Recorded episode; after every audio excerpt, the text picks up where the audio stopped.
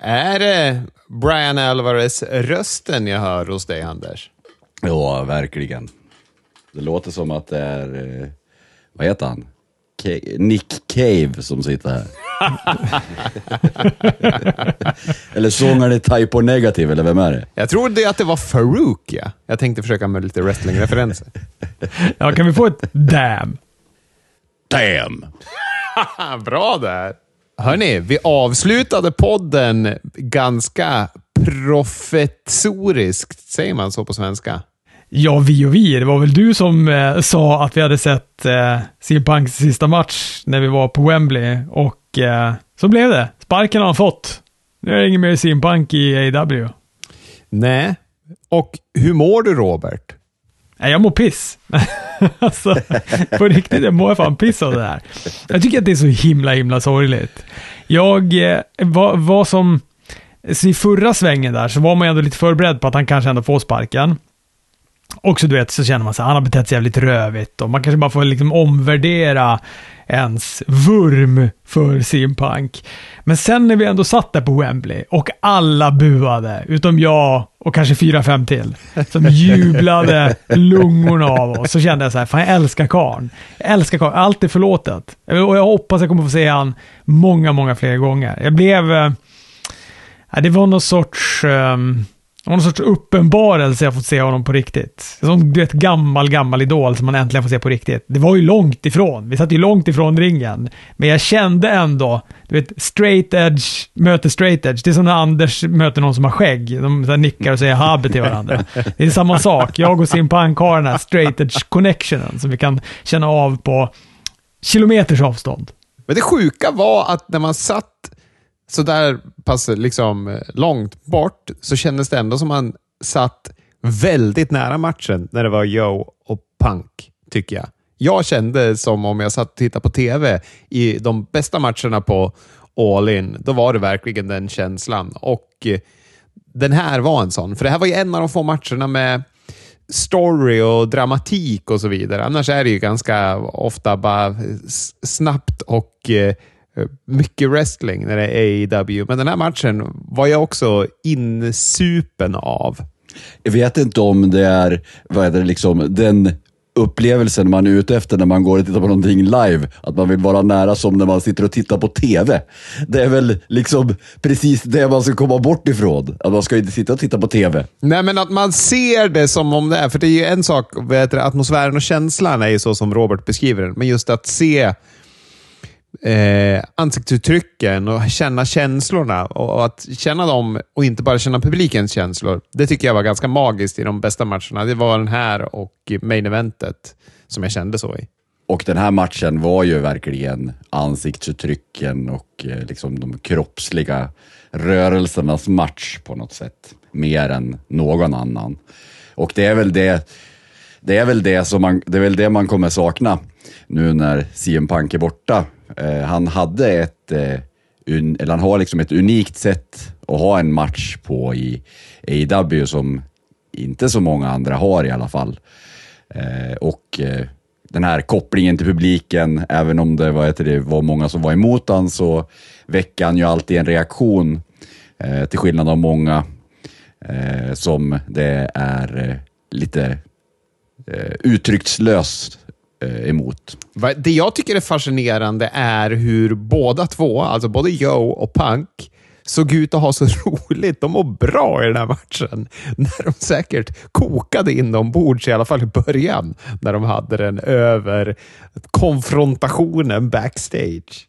Ja, för att jag vet att jag- Brian Alvarez pr pratade ju också om att så här, när man ser Punk komma in så ser man att det här är en kille som inte är glad. Men det, jag ser bara lycka i hans ögon när han kommer in på Wembley. Där. Jag ser inte ett spår av att han har varit ilsken backstage. Och jag tror också att eftersom man såg den här matchen och bara kände att så här, men han ser ut att ha jävligt kul, som var Joe ser ut att ha jävligt kul, de går en jävligt kul match och de känns höga på livet. Så då tänkte jag väl när de här ryktades, när, när Anders började trycka upp tweeten i ansiktet på mig. Med giffen av Jack Perry som, skriver, som skriker in i kameran. Real glass, cry me a river. Så kände jag väl en så här, ah, det kanske inte blir så mycket av det här. Det, det stora har ju redan hänt. Nu är det bara såna här små grejer. Han är liksom inne och petar på, på den här ah, ilskna hunden och säger om man biter. Men sin Punk har ju lärt sig. Han kommer ju inte bita igen. Och eh, Chi fick vi. Nu har han fått sparken. Men jag tycker ändå att eh, jag tycker ändå det var järvt av Tony Khan att gå ut innan All Out och resterande shower i Chicago och säga att, eh, att han har fått sparken. Att han, eh, att, eh, att han, han var rädd för sitt liv backstage. och det pratar ju Eric Bischoff om, om den här texten han läser, att det är så tydligt att det är skrivet av advokater. För allt språk i texten, det är sånt som man får från advokater. Att det är with cause, att det var fear for his life. För om man inte använder sådana uttryck så är det svårt att bryta ett kontrakt. Och om man inte kan bryta det på rätt sätt med de här eh, legaliteterna, då måste man ju betala det kvarstående när man sparkar honom. Det, det där for cause, det är liksom en glosa jag inte känner till. Vad betyder det? Men det är när du till exempel i Sverige ska sparka någon, då kan du ju inte avskeda någon för att de är dålig på sitt jobb. Jag i, i min roll, jag kan inte sparka någon av mina anställda för att jag tycker att, att de är sopor. Nu är såklart mina anställda helt fantastiska och bäst. Men för att göra det, då måste man hitta en anledning. De måste ju ha grovt misskött sig. Och om de då har grovt misskött sig och det finns dokumenterat, då är det okej okay att sparka. Och jag antar att det är vad det här betyder också. Precis, han hade väl som en, eh, och sen jag vet inte, med anledning kanske det också, att, eh, ja, jag vet inte. Men det har ju också pratats om att eh, CM Punk kanske sökte en väg ut lite grann också. Att, ja, det, det är ju som vanligt på Twitter, att nu Eh, är ju allt, eh, allt ska släppas ut och alla spekulerar och det finns 14 000 olika sanningar om vad som har hänt och varför han har gjort som han har gjort och så vidare. Eh, men eh, eh, det sägs ju att han strået som knäckte kamelens rygg var när, när The Elite förlängde sina kontrakt. Då kände han att han var lite, då orkar han inte med något mer. Och det har ju pratats om att han, när eh, han var borta tidigare så var han ju väldigt sugen på att vara med i WWE och han skulle vad heter det, vara med i Royal Rumble 2023 och så vidare. Nu var han ju aldrig det, eh, men eh, som sagt, det är tusen olika rykten. Men eh, om man tittar på, eh, som vi säger, att han såg ju ändå ganska tillfreds ut när han kom ut, tycker vi. Och när man tittar på den här bilden som finns efter Eh, matchen också när han står med Samoa Joe och domaren och Jerry Lynn backstage. Så känns han ju också väldigt tillfreds. Eh, så jag vet inte om han, han kanske hade tappat sugen lite grann på EW. Det jag hörde när jag, jag är ju kompis med gubbligan i poddvärlden. Jag lyssnade ju på dem två och en halv timme när Eric Bischoff sitter och pratar om det här. Eh, lyssnade även på en och en halv timme när han pratade om det någon dag innan och så har jag lyssnat på hans recension av All In också. Men det han och Conrad Thompson kommer fram till, och nu ska vi komma ihåg att Conrad Thompson, som för er som inte vet, så är det han som håller i nätverket där alla före detta wrestlingtalanger i olika positioner, som Bischoff och wrestlare och, och, och så vidare, har ett poddnätverk där alla får podda. Och hur som helst, den här Conrad Thompson är en väldigt eh, Dave Meltzer heja. Men i detta avsnitt, när de pratade om just CM Punk incidenten. Det är första gången jag har hört Conrad Thompson vända sig emot Meltzer och då utan att nämna namn så säger han att vad heter det, jag, jag får inte säga vem det här är, men jag är ju kompis med typ alla och de sa att jag ska säga att Dave Meltzer is a fucking liar när det kommer till allt som har med det här att göra. Att det är så urspårat, just hans rapportering. Sen så tycker inte jag, alltså jag i den här situationen, när Conrad Thompson, att Houseman och så vidare, att de ger sanningen heller, men att Meltzer är helt bäng. Mm. Det var lite roligt för det sades väl, det var väl Tony Khan som sa att det som hade rapporterats och var närmast sanningen var det som Dave Meltzer hade rap- rapporterat. Så att det är roligt att han säger så. Men, ja. Han hade ju även rapporterat, Dave Meltzer, att Jeff Jarrett hade försökt få in Dennis Rodman, men misslyckats. Fast Jeff Jarrett aldrig har pratat med Dennis Rodman i hela sitt liv, utan det var Conrad Thompson som presenterade för AEW. Och han är ju superbra kompis med Jeff Jarrett. Han är ute och slirar, Meltzer. Det är det jag försöker säga. Just det, och eh, Conrad Thompson hade väl Dennis Rodman på det här Starcast, va? Exakt.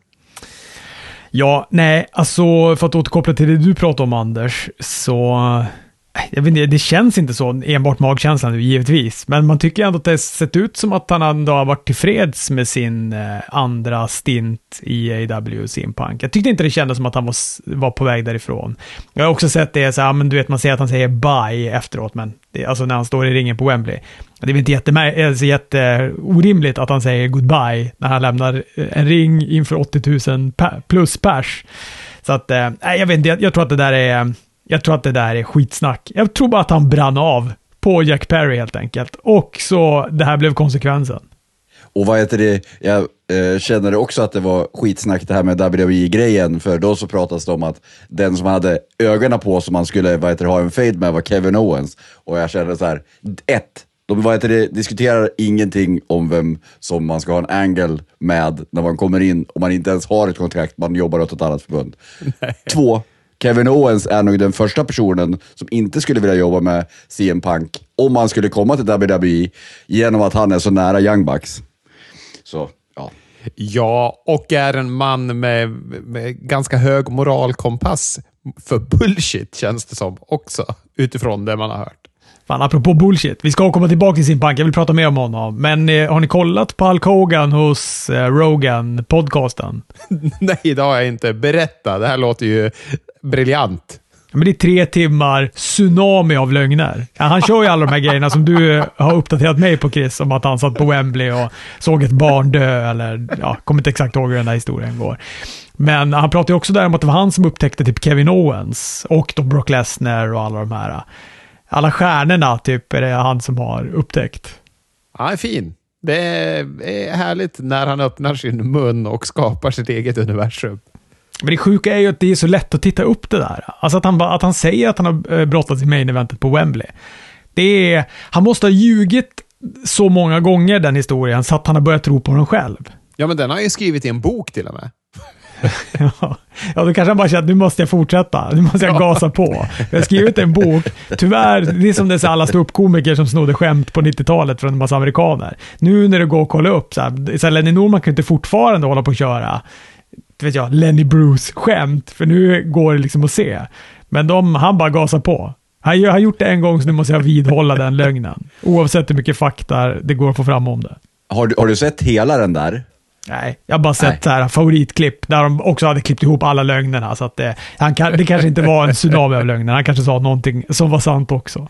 Ja, men jag tänkte, vad heter det, om... Eh, jag skulle vilja höra han säga det här om 400, att han hade brottats 400 dagar på ett år. Eh, att han hade flugit fram och tillbaka till Japan och att han hade tjänat dagar på det.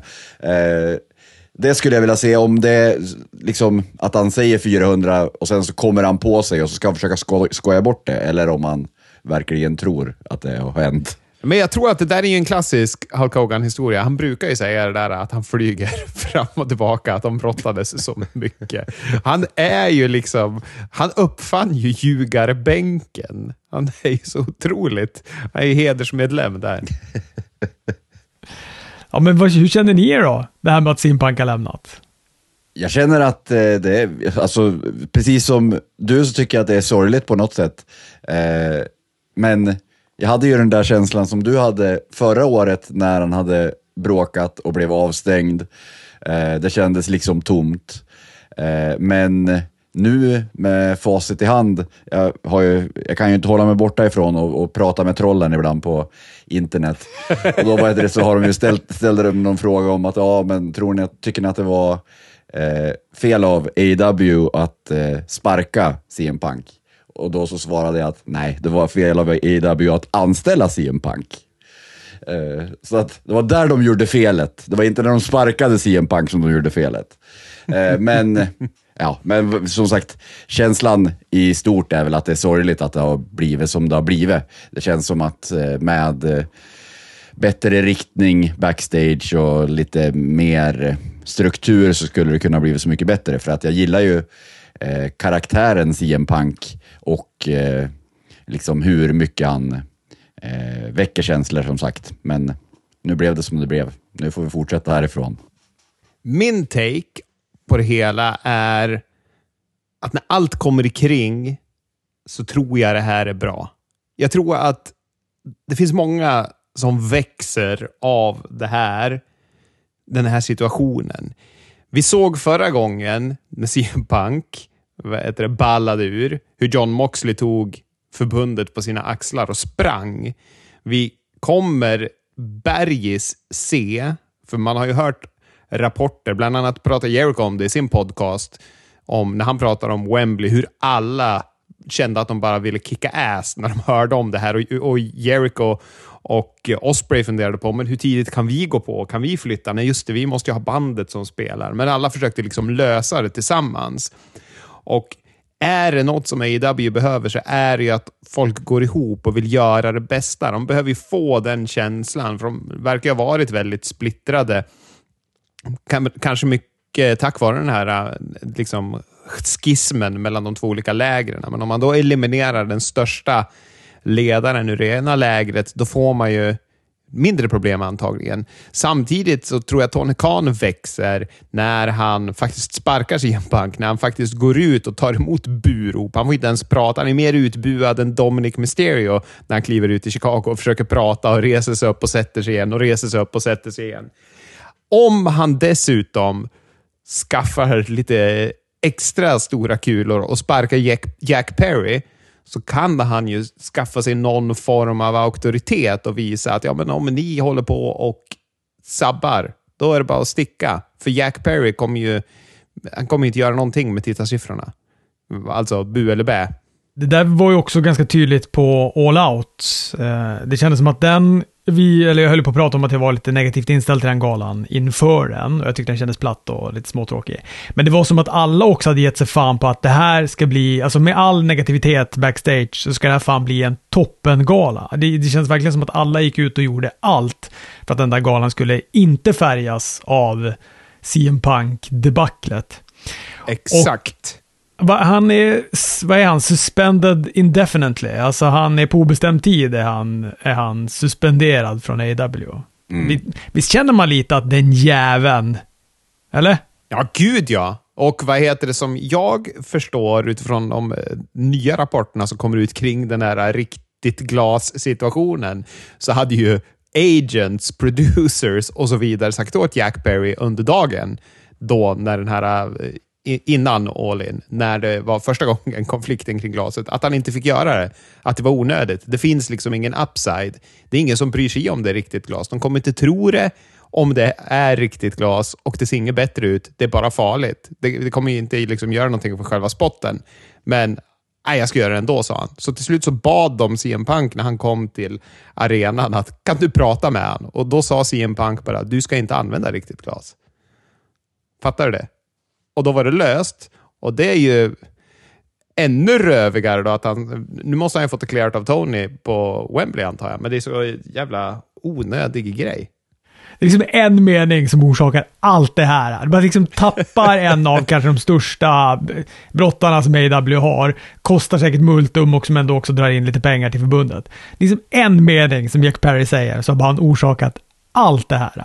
Ja lite hårt draget då. Det är klart, det där kanske också var en eh, disaster waiting to happen. Hade det inte hänt nu kanske hade det hänt om två veckor, å andra sidan.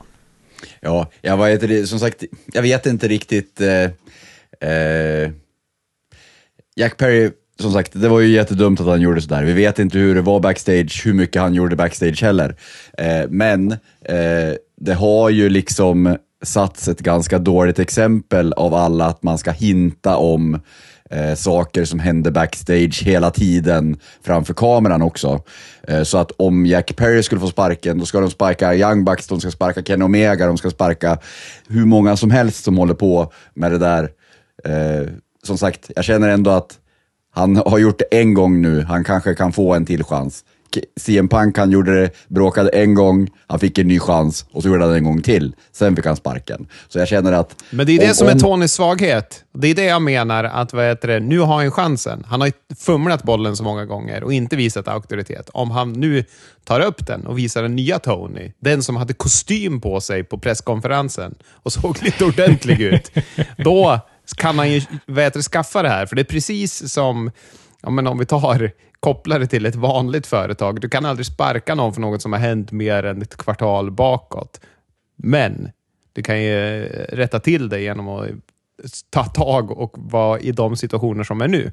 Ja, men jag, Ja, det är sagt, sant. Han hade kostym på sig. Jag älskar han har alltid annars suttit i den där Jaguars-jackan som jag så himla gärna vill ha. Jajamän. Förlåt Anders, du ville prata om wrestling. Ja, det, vet- nej, det vet jag inte. Men jag vet inte riktigt hur de skulle kunna sparka Jack Perry. De, I så fall får de låta han sitta hemma tills han, hans kontrakt går ut. Då. För han tror jag inte kan bli sparkad med kås på samma sätt. De kan göra som med Tom Senk som Ollie Anderson gjorde. De bokar han bara på Ring of Honor och att han förlorar. Men, och vi vet ju inte heller vad som hände backstage. Eh, Alltså vi vet ju, vi har ju bara sett det Jack Perry säger i tvn. Sen kanske han gjorde något ännu mer backstage. Så att eh, det kanske är därför. Det kanske inte bara är den här meningen som eh, också Bucks och Hagman och alla de där andra har hållit på med. Jag tror att han skulle få omklädningsrummet emot sig lite grann om han sparkade Jack Perry, tyvärr. Ja, men det behöver han. Tony behöver vara en röv. Han behöver någon annan som är en röv, var det det vi kom fram till? Ja, eller lära sig att älska att vara en röv. Han får, får ju bli lite Jerry Jarrett, eller lite Eric Bischoff, eller lite Vince McMahon. Snälla, bli inte det. Bli inte det Tony Khan. Du är så fin som du är. Ja, du ska vara glad för ingenting och kramas. Ja. Jag, som sagt, jag, jag tycker att han gjorde allting rätt när han kom ut framför publiken, lät dem bua av sig och sen när det var på, alltså på All Out, om vi ska gå vidare dit sen kanske, så vad heter det, var det ju, alltså när folk startade CM Punk chants, då blev de utbuad. Eh, liksom, även Chicago i slutändan förstod att ja, han har, nu har han gjort bort sig. Nu får vi gå vidare ifrån det där. Så att när även, när, när även fansen där har förstått att eh, det är inte så mycket att göra, så då är det nog inte så mycket att göra. Och så tycker jag att det var redan lite efter första gången. Alltså att det var som att även Chicago-publiken var lite avvaktande när det gällde sin punk. Nu var det ju ännu mer. Nu var, det kändes som att det var typ Young Bucks som fick, där fick de kanalisera ut sig, när, eh, publiken, när de kom in. Men i övrigt så var det inte som att så många saknade honom. Och som du säger, när det, det blev en som verbal fight där de försökte bua ut. När någon började bua så började de bua de som buade. De, de, sjöng, de sjöng Cry Me A River i publiken till fansen som ropade efter CM Punk. Jag tyckte det var roligt. Ja, det var toppen. Det var en bra publik, Chicago-publiken. Jag vill prata all out, men innan vi gör det, ska vi, det har ju varit en massa galor. Ska vi säga någonting om tipset också? Det har väl blivit lite ändringar i tabellen där, Anders? Jag var ganska bra den här gången. Jag fick kliva upp på en åttonde plats totalt. Ja, Grymt. jag vet inte riktigt om jag vill prata om det här tipset, ja. Jag tipsade ju emot er. Eller tipsade, jag brukar ju rösta som jag säger. Jag röstar ju på Takeshita och grejer som ni sa aldrig skulle ske. Jag är så jävla glad för det. Ja, det var imponerande faktiskt. Jag ska bara få fram det här då. Jag har det framför mig och då ser jag ju att eh, du ligger ju till och med på en fjärde plats Anders. Mm, det var Mr A var riktigt bra den här gången, men eh, som sagt, eh, han ligger ju i toppen på den totala tabellen. Och så har vi ju Robert Frank då som ligger där och harvar på andra platsen. Just det. Eh, Just det. Marcus och så jag och sen kommer Patrik W på femte plats. Och fast på, vi hade ju som sagt en eh, mega bonanza dubbel eh, trubbel eh, helg här där vi hade två stycken tips. Eh, både payback och all out. Och eh, det var den mångnamnade Tony K, Tonito, Tony 92 som eh, vann helgen med 52 51 poäng. Eh, följd av Patrik Nilsson, Marcus och Thomas Elmeblom. Ja, snyggt. Mm. All Out var toppen. Och som sagt, jag var lite gnällig innan. Det här fick jag äta upp med råge. Jag tyckte att det var, alla matcher var väl inte toppen, men, men det var framförallt i slutet var det ett pärlband av bra matcher. Vi fick ju Brian Danielson. Han blev ju bokad efter vår senaste inspelning, så vi hann ju inte prata om honom. Det blev den draken istället för eh, Ricky the Dragon Steamboat då, som skulle möta Ricky Starks i en strap-match. Det var, för, var väl för väl, för den matchen var fan sinnessjuk. Ja, det var den bästa strap-matchen någonsin va? Ja, super. Ja, det, vilken har man hållit högt tidigare? Var det CM Punks strap-match mot MJF? Han hade en chain match. Ja, var det en chain med? Ja, just det. De hade en hundhalsbandsmatch, ja. Ja, just det. Dog collar. Men kanske är det när Hulk Hogan och Ric Flair inte riktigt vet reglerna i WCW. Den gillar jag för att den är så otroligt trainwreck. Där det är ingen som kan reglerna. Det var min innan den här. Det var ju också så snyggt i den här matchen att, eh, eh, som sagt, eh, Brian Danielson kommer ju tillbaka från skada och han, vad heter det, har ju inte riktigt läkt som det känns när han eh, pratar efter. Eh, och han använder ju inte den skadade armen till att slå eh, någonting, sa han heller. Men nog höll han på att veva ganska friskt med den och där, den där strappen som han slog i ansiktet på Ricky Starks bra nog många gånger.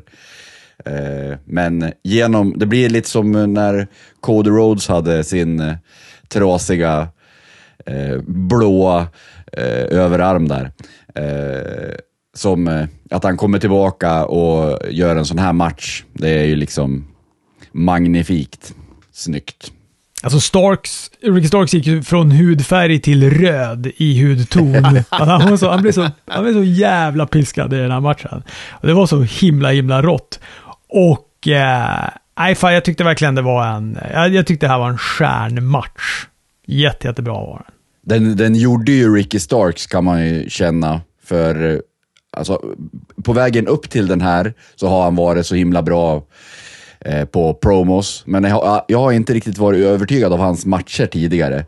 Men här var ju liksom hans elddop. Och sen nu på Dynamite också så hade han ju en, nog den eh, bästa promon på hela programmet skulle jag säga. Det var väl kanske Miro och Hobbs som jag kände, mm. Alltså det är någonting med Miro alltså. Och nu Lana eller PJ eller CJ, vad är det hon heter här? CJ. CJ, hon, hon kom ju in då och det var liksom så veckor av förväntning att hon skulle komma runt hans förra sväng i AW innan han blev strulputte. Då behagade hon inte att dyka upp. Men nu, nu ska hon dyka upp när man känner så här, ja just det, de är ju ihop ja. Och, eh, och att Miro liksom inte verkade bry sig om att, eller att han inte var så glad av att se henne och sådär. Nu kanske det där kommer visa sig i någon storyline då framöver. Man sa väl att hon inte var på riktigt. Han sa ju att hon inte var på riktigt och så gick han därifrån. Men jag tyckte den här matchen var, var Miros bästa tror jag. Jag har sett i AEW. Ja, hur många har vi sett? Ja, ja, han har ju brottats typ tre matcher förra året och två matcher i år eller någonting. Men eh, eh, märkligt nog, jag vet, brukar ju inte tycka att det är så kul när folk har kul. Eh, och i den här matchen så hade ju publiken väldigt kul, de var väldigt med i den här. Och jag tycker att Miro var ju som en cruiserweight som hoppade runt så, på ett sätt som man inte riktigt har sett han förr. Eh, så jag tycker att den här matchen var riktigt rolig. En av mina favoriter på den här galan. Jag håller med. Jag tycker också om den väldigt mycket. Och just publiken gjorde det ju... och- det som var bra var... Jag tycker att både Miro och Hobbs lekte med publiken. Och de bekräftade publiken och gjorde att publiken gav ännu mer. Och eh, jag varit väldigt positivt överraskad av den här matchen. Och det blir, ju- ofta, ofta är det ju jobbigt sådär när publiken försöker ta över så man tappar fokus. Men eh, här blev de liksom en del i matchen på något annat sätt. Exakt så. Exakt så var det. Nej, jag, jag känner ingenting för Miro. Jag är redan trött på honom. Jag har knappt sett honom. Det är ju inte, jag tror inte jag och Anders känner någonting för Miro heller. men Han fick göra en bra match, det var ju tur det. Ja, egentligen så är jag ju förbannad över att Powerhouse Hobbs förlorade och jag är förbannad Ja. över att, att Miro vägrar jobba till folk. Och så vad heter det, får, han, får han köra sån här. Men det var, jag tycker att den var eh, överraskande bra. Jag speglar Anders tankar exakt. De öppnade ju med Adam Cole och MJF mot Dark Order. Den här matchen tyckte jag var skoj. Jag eh, blev ändå glatt överraskad av den. Jag trodde att den skulle vara tråkigare än vad den var. Men jag tyckte att denna var kul. Det var liksom skadeängel med MJF, att han får en stol i nacken och blir bortplockad från matchen och så får Adam Cole rå mycket spö i ensammen Och sen kommer han tillbaka då, MJF. Och till publikens stora förtjusning blir det känguruspark och double clothesline och hela publikfriar balletten. Och eh, så vinner de. Och sen när de ska gå ut, då möter de Samoa Joe, som då är på väg in till sin match mot Shane Taylor. Knuffar till, alltså Samoa Joe då, knuffar till MEF när de möts på rampen. Och jag tyckte det här var så underbart. Han har ett sånt bra stökiga killen i klassen skimmer över sig, Samoa Joe. Och bara vips så vill jag inget annat än att se den här matchen. Ja, han är ju verkligen den som sitter längst bak i bussen när man åker till gymnasiet. Det är Ja. Samoa Joe det. Fötterna på sätet, trots att de har sagt det den här... Ta ner fötterna från stolen tack. Skiter i det. Ja, fantastiskt var det. Han ser, både, han ser, ser, ser både vad heter det, sådär nöjd men förbannad ut på något sätt. Han är ju Ja. superglad men jävlig. Har ni tänkt på att Tony Khan måste ha problem att skaffa vänner? För alla, i stort sett, angles som vi har i AEW handlar om vänskap. Det är ju viktigare att man är kompisar än att de bryter sig in och slår nästan ihjäl en med ett kort på ens pappa. Det är viktigare att man är kompisar än att man får världsmästartiteln. Det är viktigare att man är kompisar än att man håller på och bråkar om kvinnobältet. Det är bara kompis-angles hela tiden. Men jag tror att det här, det är det nya. Det är liksom, de vill se hug it out. Det är, de vill se folk kramas. Jag tror Tony Khan vill se folk kramas. Vi borde kunna ha listat ut det efter alla kramar på alla presskonferenser. Ja. Det är hans slogan. Kom in i kramen. Ja, precis. Han, han kan göra kompis-angles och han kan göra turneringar. Det är det, det är hans grej. Ja, jag vet inte vart jag ska he mig själv när han deklarerade en ny jävla turnering. Två nya turneringar till och med. Ja, skitsamma. Vi kommer dit. Eh, Joe och Shane Taylor-matchen tyckte jag var helt okej. Båda de här två var väl okej eh, matcher. Det var väl inga superbra matcher, men den första var väldigt underhållande. Joe och Shane Taylor, Shane, Shane Taylor tyckte jag var helt okej. Ja. Luchasaurus eh, mot Darby var överraskande bra. Bättre än vad jag trodde. Luchasaurus fick eh, se väldigt, väldigt bra ut mot eh, Darby och det tycker jag också var mycket tack vare Darby. Och Christian var också med och stökade på utanför. Han tog ut Nick Wayne och skulle slå på honom med en stol i huvudet då, vilket gjorde att Darby blev distraherad och förlorade matchen. Så fortfarande TNT-mästare. Trots mitt och Anders tips. Jag vet inte om du också var inne på samma spår här, Chris, eller tippade du emot oss här också? Nej, jag tippade emot er. Vad heter det? Men det bästa tycker jag är ändå på media scrummen när Christiansen frågar hur allas pappor mår. när han sätter sig och ska prata. Och, han är in, och, och blir fotograferad med någon liten tjej som har så här replikabälten när han stjäl bältet av henne också. Han är fan, Christian är ju bäst. Han har ju även skrivit på ett nytt kontrakt med AEW. Och i, i, nu älskar jag Tony Khan för att han har tagit in Christian. Jag gör det varje vecka tydligen. Men fan, Christian är ju guld värd. De frågade ju honom även om Edge i pre- presskonferensen och då sa han att eh, jag har, ing, har inga andra kompisar än Luchasaurus. Det är bara mig och Luchasaurus jag tänker på. Han är ju bäst. Ja. Är irriterad på mig själv för att jag tippade att Darby skulle vinna den där titeln. Det är väl solklart att Luchasaurus slash Christian ska fortsätta vara TNT-mästare. Det är så fantastiskt när han går omkring med det där bältet. Tror ni också att Tony Khan kände så här, "Ja, men jag har ändå råd att offra Punk nu, för Edge är på väg in. Jo. Ja, det tror jag också. Ja. Och Sasha Banks är väl på väg in också. Eh, kanske. Det måste hon ju vara. Det kommer omöjligt gå till WWE när hon satt där på Wembley och fläkte ut sig. De plockade väl bort henne från några eh, grejer, antingen på hemsidan eller något videopaket, efter hon var på Wembley till och med. Ja, just det. Osprey är väl också på väg in. Han eh, är ju så himla tacksam mot AEW att han fick vara på Wembley. Så att det finns ju eh, ytterligare talang på väg in säkerligen. Frågan är vad de kommer göra för produkten och för tv-ratings och så vidare.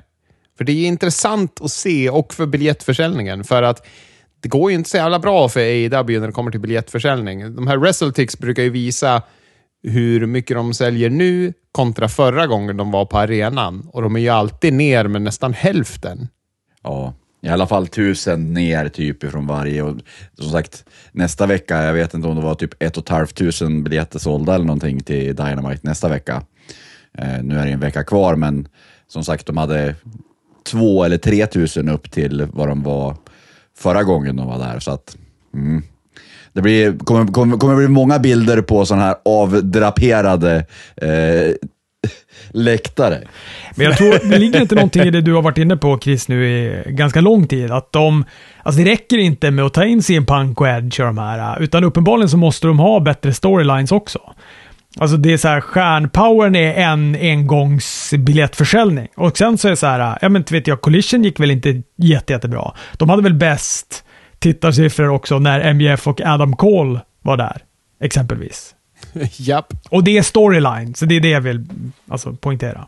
Exakt, och vi kommer ju att säga att All Out var ett toppen pay per view Vi kommer ju landa i det när allt är klart, när vi kommer till pärlbandet i slutet. Men om man tänker om vi till exempel, när vi var på All In, lika med publiken på All Out, om vi hade fått fler stories, det var, hade fått att det var fler liksom slutklämmar på en storyline som man vill ha på en pay-per-view, då hade man haft en annan känsla, en ännu bättre känsla. Nu får vi lite wrestlinguppvisning, men det hade lika gärna kunnat varit en, vilken show som helst. För det enda viktiga för oss, så vi fick ändå se ett viktigt main event och vi fick se CM Punks sista match. Det kan vi ha med oss. Men jag menar, Young Bucks mot FTR, den var ju sämre än FTR mot Bullet Club Gold, till exempel.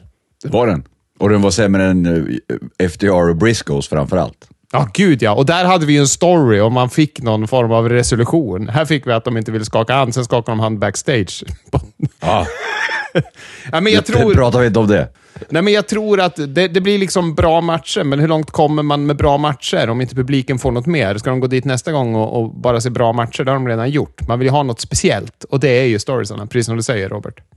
Sen var det då Miro mot Hobbs och ja, som sagt, inte min match, eh, kött i varan. Jag, jag har också skrivit, ropade publiken meat? Frågetecken.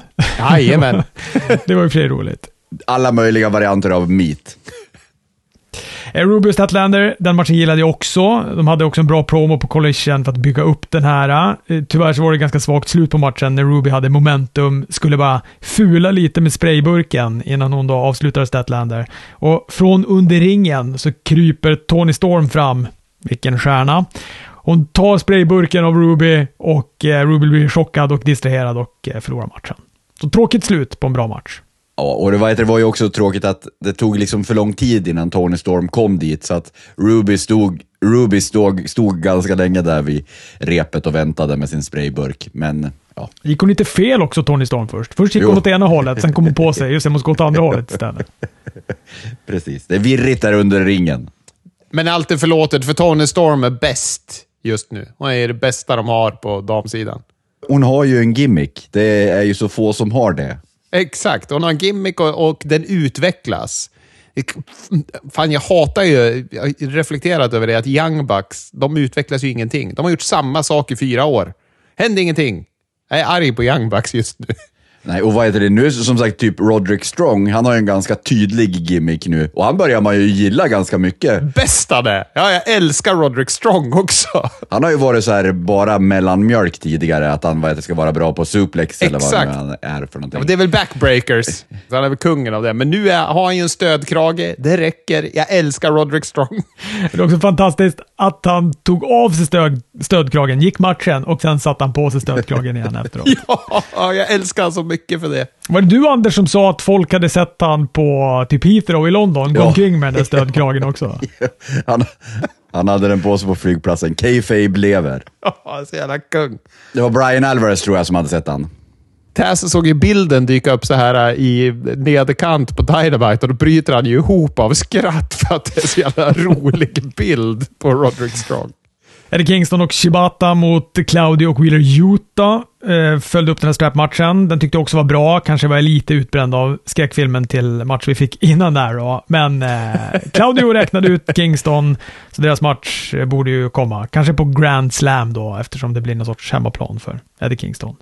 Ja, det är nog högst möjligt. Omega och Takeshita gick en fenomenal brottningsmatch, enligt mitt tycke och smak. Takeshita är ju en jävla stjärna han. Ja, det är han. Och visst, visst fan sminkar de upp det där jävla ärret på Don Callis. För det blir bara grövre och grövre för varje gång jag ser honom.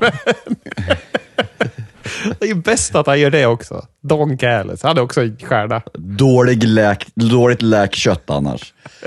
Eh, Men eh, Ken Omega, han är kungen på att eh, landa precis så att eh, det ser ut som att han håller på att dör. Eh, på, landa på nacken. Men jag tror att han har kontroll på det, men han är riskabelt nära. Men det är väl Japan-stilen. Det är liksom som alla de här Knight och Ibushi-matcherna också. De har bara, så varenda gång så ser det ut som att de ska dö för att de landar på nacken. Men så inser man att bara, nej, de har bara tränat på att landa så att det ska se ut som att de dör när de landar på nacken. Ja, precis. Eh, överraskande också att han fick vinna Takeshita. Och rent fick han vinna. Nej, nej, nej, det hade jag röstat. Röstat. Sa det i podden. Spola tillbaka.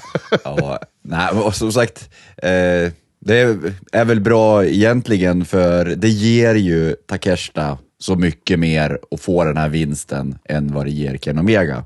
Ken Omega han är ju gjord liksom. Och eh, nu så har Takeshita spöat Ken Omega två veckor i rad och det, vad heter det, blir perfekt för framåt. Jag antar att det kommer komma en match eh, till med de här framöver någon gång och då så kanske Ken Omega får vinna. Men som sagt, han behöver inte det heller. Han kan gå vidare till någonting annat. Takeshita blir större på det här bara. Och så Bucks och FTR mot Bullet Club Gold. Det var också en jävla pangmatch. Det var mycket Bucks och FTR som gjorde varandras avslut tillsammans. Det tyckte jag var fint på något sätt. Det var någon sorts här gräva ner stridsyxan-gest kändes det som. När man såg Dax och Matt Jackson göra en shutter machine och Nick Jackson och Cash tror jag var, var gjorde en BT-trigger. Men eh, Bullet Club Gold vann. Colton av alla tog pinfall på Cash efter att Switchblade hade mördat han med en Blade Runner. Fan, jag älskar Bullet Club Gold också. Det finns så mycket, eh, mycket fint i wrestling nu som man kan tycka om.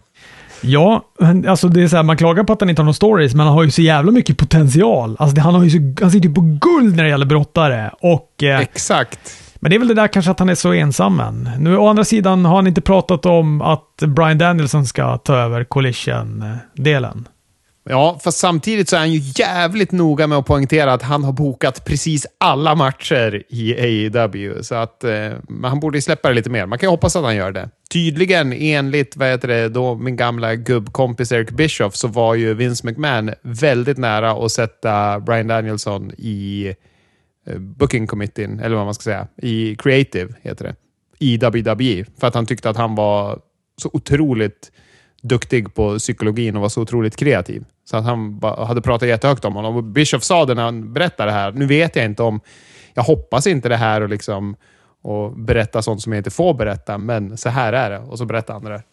Men vi får väl hoppas att det är så att eh, Tony Khan har, eh, att han inte är sådär bångstyrig och bara ska köra som sitt, utan att, att han bokar allting. Det betyder bara att det är han som säger ja, det kör vi på. Eller han snor allas idéer och säger att det är hans.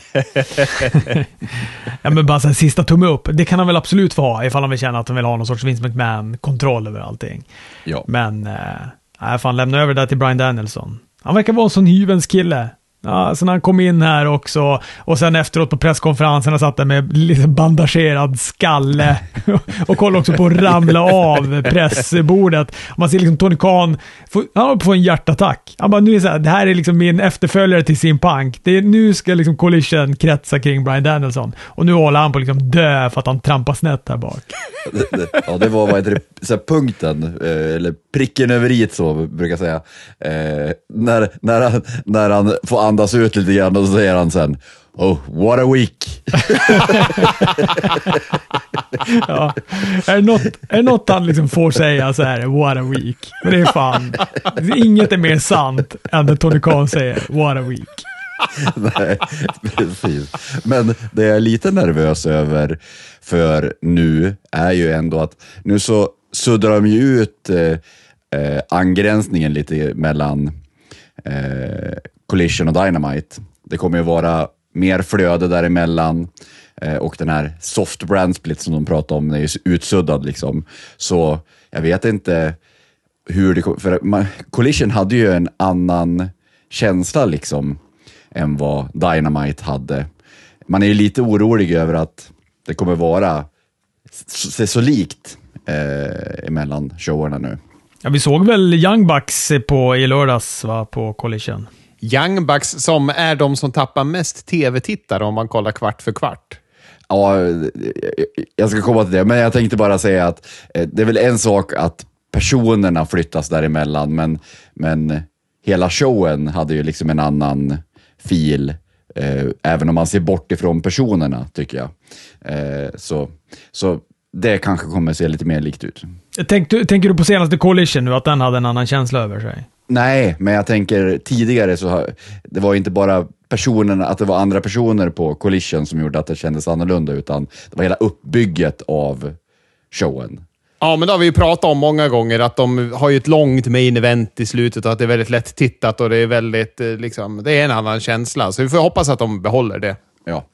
Jag, vet, jag tänkte på eh, att eh, Young Bucks tappade mest tittare. Eh, när, man, när de bröt ner de här kvartarna på senaste collision, så eh, ifrån starten när Tony Khan sa att eh, CM Punk hade fått sparken så tappade de ju 100 000 tittare direkt.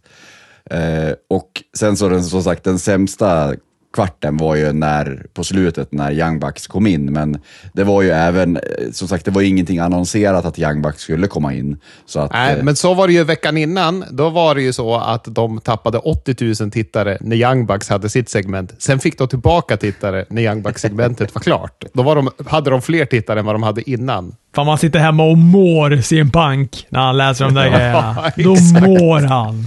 ja, det får han göra.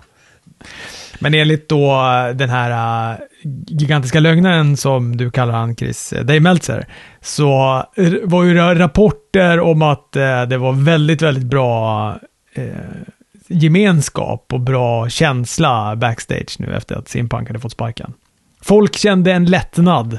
Jag undrar vad heter det, som sagt Andrade har ju lagt upp bilder med han och CM Punk och tackat CM Punk och sådär efteråt.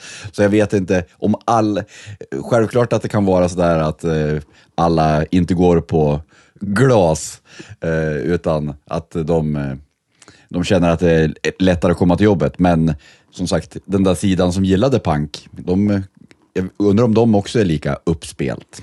Jag vill också bara säga att jag och Dave Meltzer, vi är ju polare. Jag har ju klämt honom på hans axlar som är väldigt muskulösa. Så att jag gillar ju Dave Meltzer. Nu är det och Conrad som hatar han. Sen så att Brian Alvarez ger er taggtråd i halsen. Det tycker jag, det ska vi aldrig förlåta. Nej, det är aset. Nej, fan, du var ju den enda, det var ju den enda han tittade på. Ja. Pratade med. Jag försökte ju säga hej till honom och ta hans hand, men han mötte inte min blick och bara gav ju den här döda, liksom slaka handen. Ja, det- precis. Dave Meltzer han var en, som en lax han. Orange Cassidy och Moxley var main eventet. Jag tyckte det var toppen. Jag hade förväntat mig att det skulle vara toppen och det uppfyllde alla mina förväntningar i den här matchen. Kul att Moxley fick vinna. Det var bra, vi har varit inne på det tidigare också. Det gör mycket för titeln och det gör mycket för Orange Cassidy också. Ja, nu är han här igen. AEWs MVP. Nu, och han kommer väl, kommer väl vara på varenda jäkla show som, som eh, Cassidy har varit och, och eh, försvarat titeln också känns det som. Det känns som att den där Kan han titeln... låta bli att försvara den mot A.R. Fox, som det första han gör när han kliver in i ringen, hoppar upp och gör en dropkick och klappar händerna så att man ska tro att han träffar. För jag hatar A.R. Fox igen. Nu är jag tillbaka i hatet. Ja, och vad heter det? Ah, ah, Om vi går vidare till Dynamite då, så är det ju bara en massa sådana här open invitational titelmatcher. Som sagt, de har dels den här turneringen där det är ganska enkelt känns det som att förutspå hur, vilka som kommer vara eh, Va? i, all, i alla fall i semis. Eh, men, eh, och sen som sagt har eh, Chris Statlander emot Emi Sakura, som han är ganska säker på att Chris Statler kom, Statlander kommer vinna. Men och sen, det, Emmy Sakura mot Statlander där, jag tyckte bara det var så himla fascinerande. För att vi, de eh, presenterade ju den som om det var en öppen utmaning. mm, Men eh, Mullvaden hade ju redan lagt ut grafiken på Sakura i Statlanders entré.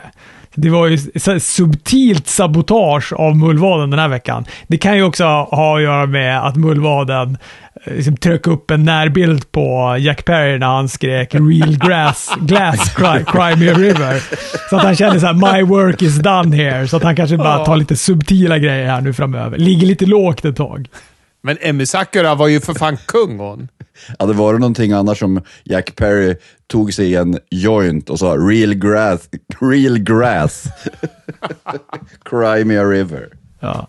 Jag slarvar lite med engelska när jag är snabb. Jag har inte skrivit så mycket om Dynamite. Jag har skrivit tre grejer. Alltså punktat tre grejer.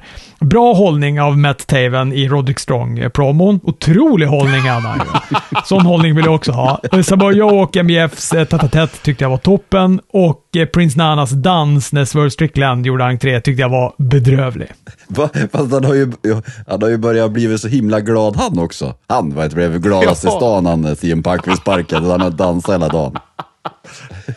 Jag älskar Prince Nana. Vi hinner ju fan inte prata om Dynamite. Vi är 53 minuter in. Vi har betat av en av 70 shower. Men Swerve, jag måste säga det, Swerve och Hangman Adam Page, det kändes väl ändå lite fräscht. Att vi fick en ny eh, fade mellan de här två. Ett, för att det känns som att Hangman Page har typ inte, det har liksom inte hänt någonting med han på senaste tid. Och Swerve är liksom för bra för att inte göra någonting stort. Å andra sidan så tycker jag att Swerve borde vinna en fade över Adam Page och det är jag inte så jävla säker på att han kommer göra.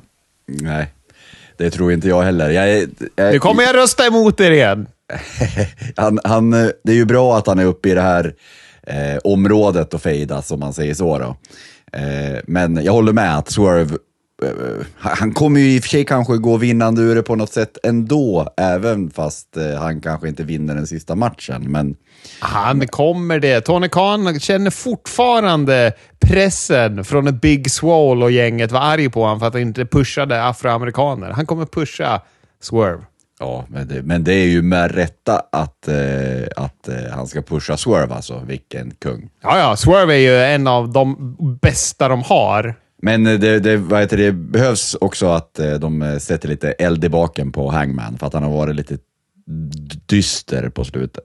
Det var ju det som var så bra med Swerves promo, att det kändes som att han sa det man tyckte. Jag bara sa, du har inte köpt ny gear på två år eller något sånt där. Det tyckte jag var kul. Japp, ingen, ingen ny merch. Du har suttit hemma och käkat, skrivit kontrakt. Du är bara nöjd. Du brottas inte om titlar. Du är bara i så här multiman-matcher. En sak jag vill säga om Dynamite också, alla är, eh, jag har, när man har läst på nätet och lyssnat på recensioner av Dynamite och så vidare, så är de alla så hög på den här eh, promon mellan MJF och Samoa Joe. Eh, jag tycker att i slutet så tog den väl eh, sig, men eh, jag gillar inte när de ska ha sitt topp babyface som håller på och gör tjockisskämt hela tiden. Eh, det känns, eh, han är ju fortfarande ett eh, as, men eh, jag vet inte om det funkar i längden, om man säger så. Med såna billig, han, han är ju billig hela tiden i sina pops på något sätt. Ja, men, och det har han, ju, har han ju haft en tendens att vara, tycker jag, under en ganska lång tid, MJF. Han, han pingpongar ju lite alltid däremellan. Att han, det är som att han har inte den där riktigt bra arsenalen alltid. Och då blir det de där billiga, billiga heel-skämten. Men jag, jag, jag tyckte den här var bra. Jag gillade den jättemycket. Och jag gillade också att de förtydligade hela den här grejen med knuffen på rampen på All Out mot, alltså att det har historia med det här när han knuffade på NXT när MBF eh, var där eh, och bara var en liten parvel. Ja. Jag vill jättegärna se den här matchen. Jag är, är, fan, jag är supertaggad på den. Samojo är så bra. Han kommer inte vinna den, men han är så bra. Ja, han är fantastisk. Eh, ja, vi behöver väl inte förarga oss kanske så mycket mer över att eh, Nick Wayne och AR Fox får titelmatcher. Nu fick väl för sig inte Nick Wayne en titelmatch, men det är fan sjukt att han är med i den här jävla titelturneringen. Men eh, det är väl vad det är. Ja. Trent Beretta är med han också, har förlorat alla matcher på slutet. Och, Nej, han vann ju över Moxley. Då var ni arg. Ja. Han höll ju på att googla det här, Chris, ett helt avsnitt igenom. Ja, men vad heter kan de inte, alltså de kan väl slänga in Hangman, slänga in Swerve, slänga in alla, alla större, om de bokar... Men då måste de förlora och det vill de ju inte. Nej, jag vet att det är det som är problemet, men om man... Gör inte en turnering då! Ja, det är dels, men vad heter det, man, bara man kan boka så, så kan man hitta på en story som gör att de förlorar och de behöver inte tappa något momentum. Eh, jag håller inte med om att man, bara, man förlorar och då är man på väg ner. Man heter det, kan förlora på snyggare sätt. Men det är ju AEWs problem. Om man inte kan boka en turnering så ska det inte ha så jävla många turneringar. Ja, hörni. Gospel. Det där är gospel. Jag älskar när du är arg. Jag är ju bara arg på individer, men ni är arg på koncept och det är mycket härligare. Vad tyckte ni om konceptet payback då? Det var ju lite samma som, eh, alltså, som All Out, det är en taskig jämförelse. Men så här, omslaget såg ju rätt trist ut, men innehållet var ändå ganska överraskande. Om än inte lika mycket. Alltså, det var inte samma magnitud av matcher som var bra. Det var väl kanske två bra matcher på Payback nu, om jag ska vara när jag ändå så här kikar ner i mina anteckningar här. Jag tycker öppningsmatchen var toppen. Alltså återigen, när det gäller så gör de här två kanonmatcher, Trish och eh, Becky. Saudiarabien-matchen, visst var det där eh, på Champions-grejen där va, som de gick en match? Mm, jo, det gjorde de. Ja, och den var jättebra. Sen hade de den här bedrövliga matchen på Raw och eh, den här burmatchen var toppen. Och kudos till Trish. Alltså hon hängde med bra. Den jävla superplexen som hon tog från eh, burtoppen, eller burkanten, här var imponerande. Bulan hon fick i huvudet var imponerande också. ja, så, så vad heter det, är de inte så synkade så bra, men jag tycker också att den här matchen var riktigt bra. Eh, nog faktiskt min favoritmatch på hela galan, det här också. Ja, min med. Jag tyckte, den här, jag tyckte den här var bättre än tag team-matchen, som var den andra bra matchen på den här galan. Jag tycker ju att det här var helt klart deras bästa match. Det, det ska jag säga. Jag tycker att den led lite av att det var så tydligt att de ledde varandra igenom den. Eller snarare att Becky ledde Trish igenom den. Och de är ju, Trish är ju 200 år gammal. Hon måste ju bli... Jo, jag vet. Men det är som när AR Fox klappar händer. Jag vill inte höra när de säger åt varandra vad de ska göra. Sånt stör mig. Men jag tyckte också den var bra. Ja, helsike vad högt de pratade, högt de pratade, Becky Lynch. Hon var ju som John Cena när hon kallade moves där. Eh, Becky vann i alla fall då och efter så klippte Trish till Zoe Starks. Så en eh, match mellan Zoe och Trish hinner vi väl få också innan Trish har gjort sitt i WWE för den här gången. Du vet katten där, nu ska ju tydligen Zoe Stark bli ett tag team med Shayna Baszler känns det ju som. Ja, Shayna så. Baszler visade sig upp, liksom, ja, hon har man har inte sett henne på flera veckor. Vinner över Zoe Stark som känns som att hon har supermomentum och sen så blir de ett tag team. Nej, det, det där var stökigt. Väldigt stökigt. Det var bortklippt från mitt Raw, så det tänker jag förneka. Och Becky ska väl bli NXT-mästare då? Hon, Tiffany Stratton, visst heter hon så va? Hon kom i, dök ju upp här på Payback och började mucka med Becky. Jag tyckte faktiskt det var väldigt roligt att Becky sa att det var kul att hon hade tagit sig ur sin Mattel-kartong och tagit sig till Payback. Men gällande Becky, hon vad heter det, hade ju ett litet eh, rivet papper i sitt pass så att de fick inte åka till Indien. Eh, så de blev lite arg fansen där kanske, men eh, argast blev nog Becky som inte fick åka. Tycker det är fint av henne att hon taggar flygbolaget istället för liksom myndigheten också. Flygbolaget ska ha skit när hon har ett trasigt pass. Ja, det är väl inte de riktigt va, som eh, står i passkontrollen? Nej, Jaja. verkligen inte. Sen var det en oerhört lång och tråkig match mellan The Miz och LA Knight med John Cena som gästdomare. Alltså det här var bland det tråkigaste jag har sett. Hade den här varit fyra minuter, då hade den varit okej. Okay. På sin höjd hade den varit okej. Okay. Men alltså de höll på alldeles för länge och så... Alltså, var det här ytterligare ett vinsttest? för att se ifall LA Knight klarar av att gå en lång match. Då får han tyvärr betyget icke godkänt här. Det är två fel personer som man ska sätta i en lång match. Ja, vet inte Triple H det? Alltså om vi vet det så borde det för fan han veta det. Men eh, de eh, belönade ju LA Knight med ett nytt kontrakt här idag vad det verkar. Och eh, The Miss han fick ju gå en match från, mot eh, John Cena på Raw sen också. Och klå honom. Så jävla dumt. Har du sett det Chris? Eller var det bortklippt från din YouTube-version? Nej, det här såg jag tillsammans med mina vänner som inte tittar på wrestling. De dök Åh, upp. du och- får inte göra sådär Chris. Du får inte göra så. Du får inte visa upp så. När sånt där händer, då måste du genast stänga av. Och det vi måste förklara för de som inte har sett Raw då, det är att Miss möter John Cena i en promo och en liten beatdown. Men det är ju inte John Cena, för det är ju osynlige mannen, för han, man kan ju inte se John Cena. Så där ser ju mina två kompisar som aldrig tittar på wrestling. Den ena tror att WWE är seriös. Att de menar att John Cena är osynlig och bara, "Nej, men det här, det här är lite för mycket för mig. Det det här, här är lite svårt att tro på. Varpå den andra förstår det och sitter och skrockar lite lätt och tycker, ja, man tycker ju illa om den där Miss i alla fall. Han ser jävligt otrevlig ut. Men de var inte så imponerade av min hobby. När det var det. De dök upp precis när det segmentet började. Jag vet inte vad det är med mig den här veckan, men jag tyckte att det här var roligt också. Det är Brian Alvarez. Det är hans fel. Den jävla coviden har han satt i dig. Du måste få horet ur Anders.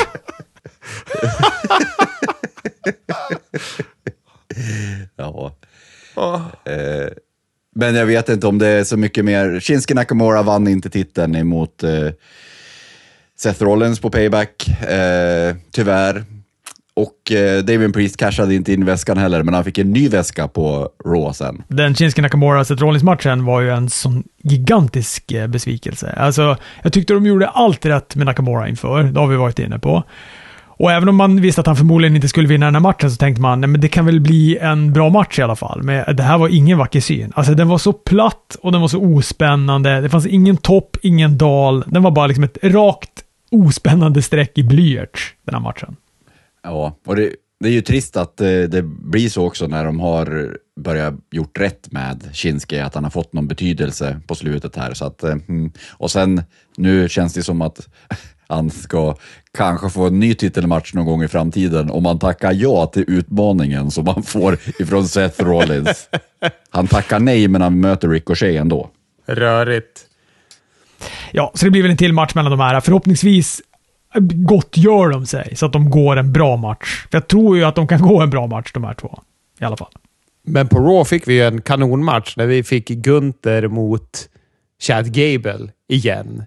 Det var ju fantastiskt att se. Och nu är ju inte Honky Tonk världsmästare i att hålla interkontinentaltiteln längst längre. Han är väl det. Idag, när vi spelar in det här på torsdag, så är det, så, så är det en tie mellan dem.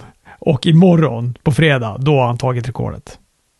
Och när ni lyssnar på den här podden, då har han tagit det med råge. Jajamän. Och vad heter det? Den här matchen såg ju mina kompisar som inte tittar på wrestling också och var superimponerade. Så pass imponerade att när vi sen spelade ett brädspel som utspelar sig i belägringen av Stalingrad så är det en av dem som säger ah, man skulle nog allt haft den där Gunther på sitt lag. Han slog ju som en kanon. Då har man fan gjort intryck ändå. Ja, jag tycker det var supereffektfull den här matchen. Alltså, dels för att den var bra, men också de här jävla barnen, Chad Gables barn, som de zoomar in i slutet där bara tårarna rinner. Det var effektfullt.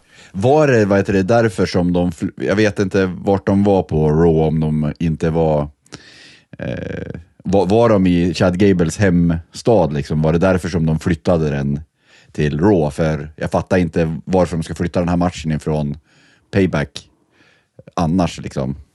Nu blir jag osäker. Det där brukar du ha koll på, om inte annat Anders. Men Jo, de var väl första gången som Chad Gable och eh, Gunther möttes. Då var de väl i Chad Gables hemstad. Aha. Men de har ju gått några matcher sedan dess. Sen det största vi fick på Raw var väl att Jey Uso dök upp. Tycker ändå det var bra att de hade med lite att allt inte förlåtet från allas håll när det kommer till Jey Uso. Mm, han har skaffat sig mycket fiender. Mm. Men vem tror ni är den som kommer gå till Smackdown då? De pratar ju om att nu har de en pick att dra från Smackdown. Är det Cody? Nej. Jag tror att det är eh, Kevin Owens eh, jag. Eh, dels för att nu tror jag att Kevin Owens och Sami Zayn är klara som tag team. Eh, det pratades om att det inte skulle vara uppskattat av alla liksom. Och eh, då så kan det bli en litet... Det kan bli... För de har ju haft den här grejen att Kevin Owens turnar emot Sami Zayn tusen gånger redan. Eh, så det känns ju ganska bra om de kan dela på dem utan att det blir en eh, turn och att det blir en match av det i slutändan. Eh, men då kan de ha Sami Zayn och Jey Uso som polar på på Raw och eh, att de träffar på Kevin Owens kanske på, på pay-per-views. Han blir lite sotis på det där. Så kan det bygga upp till någonting i framtiden så kanske de kan ha en match på WrestleMania, Kevin Owens och Sami Zayn. Eh, men eh, jag tror att det kan vara eh, Kevin Owens i alla fall. Jag tror, tror att det är för tidigt för Cody. Anders har så bra och bred analys. Jag tror också bara Cody, punkt. Ja, men jag, jag tror, för ja, nu har man ingen aning om det, men de har ju redan annonsat att eh, nästa vecka så kommer Cody tillbaka till Raw. Det skulle vara lite snopet om man har blivit tradad till Smackdown och sen så bör, Anna, kommer de bara, ja nu kommer han tillbaka till Raw igen. eh, så att, jag tror inte de riktigt vågar eh, marknadsföra med Cody och att han inte är med. Och nu är det ju tydligen väldigt viktigt med den där brandsplitten igen. Så... Mm. Eh, Plötsligt. ja, Kan det inte vara Braun Breaker, eller måste de ta någon från Raw? Hade de inte bara ett pick? Kan de inte göra något knasigt nu när han har krossat huvudet på Von Wagner nere på NXT? Har ni sett det? ja. Alltså, Det vad fan, ser ju brutalt ut och det sägs ju att det ska ha gått lite snett också. Inte så att han är, lika dräpt som han ska vara i storylinen, men att Braun Breaker råkade skada honom på riktigt. Men får man se någonting? Jag, jag har bara sett någon bild Nej. där han ska slå och så blir det svart. Ja, men det finns ju cam footage från eh, publiken. Han dödat Von Wagner. Ja, han, han råkar träffa snett så att han eh, slår upp han på riktigt. Men Von Wagners skalle är väl gjord av plåt? Japp, det är hans gimmick det. Ja, vi får se. Jag tror fortfarande Cody. Ja, ja det, det får ni göra. Vi kommer väl säkerligen få, eh, det, det vet vi nog när det här släpps. Eh, om det är så snabbt som de eh, går vidare med vem som har tradats dit. Eh, jag vet inte vilka andra möjligheter som skulle finnas. Jag vet inte, LA Knight kanske skulle kunna vara någon som de skickar över dit också. Eh, jag, har, jag har sett någonstans om att han internt eh, hade, på någon, den interna listan så var han Smackdowns topp babyface. Och jag vet inte om det är hittepå eller vad det kan vara. Men eh, han är ju inte på Smackdown just nu i alla fall. Hörni, detta om detta. Vi hörs.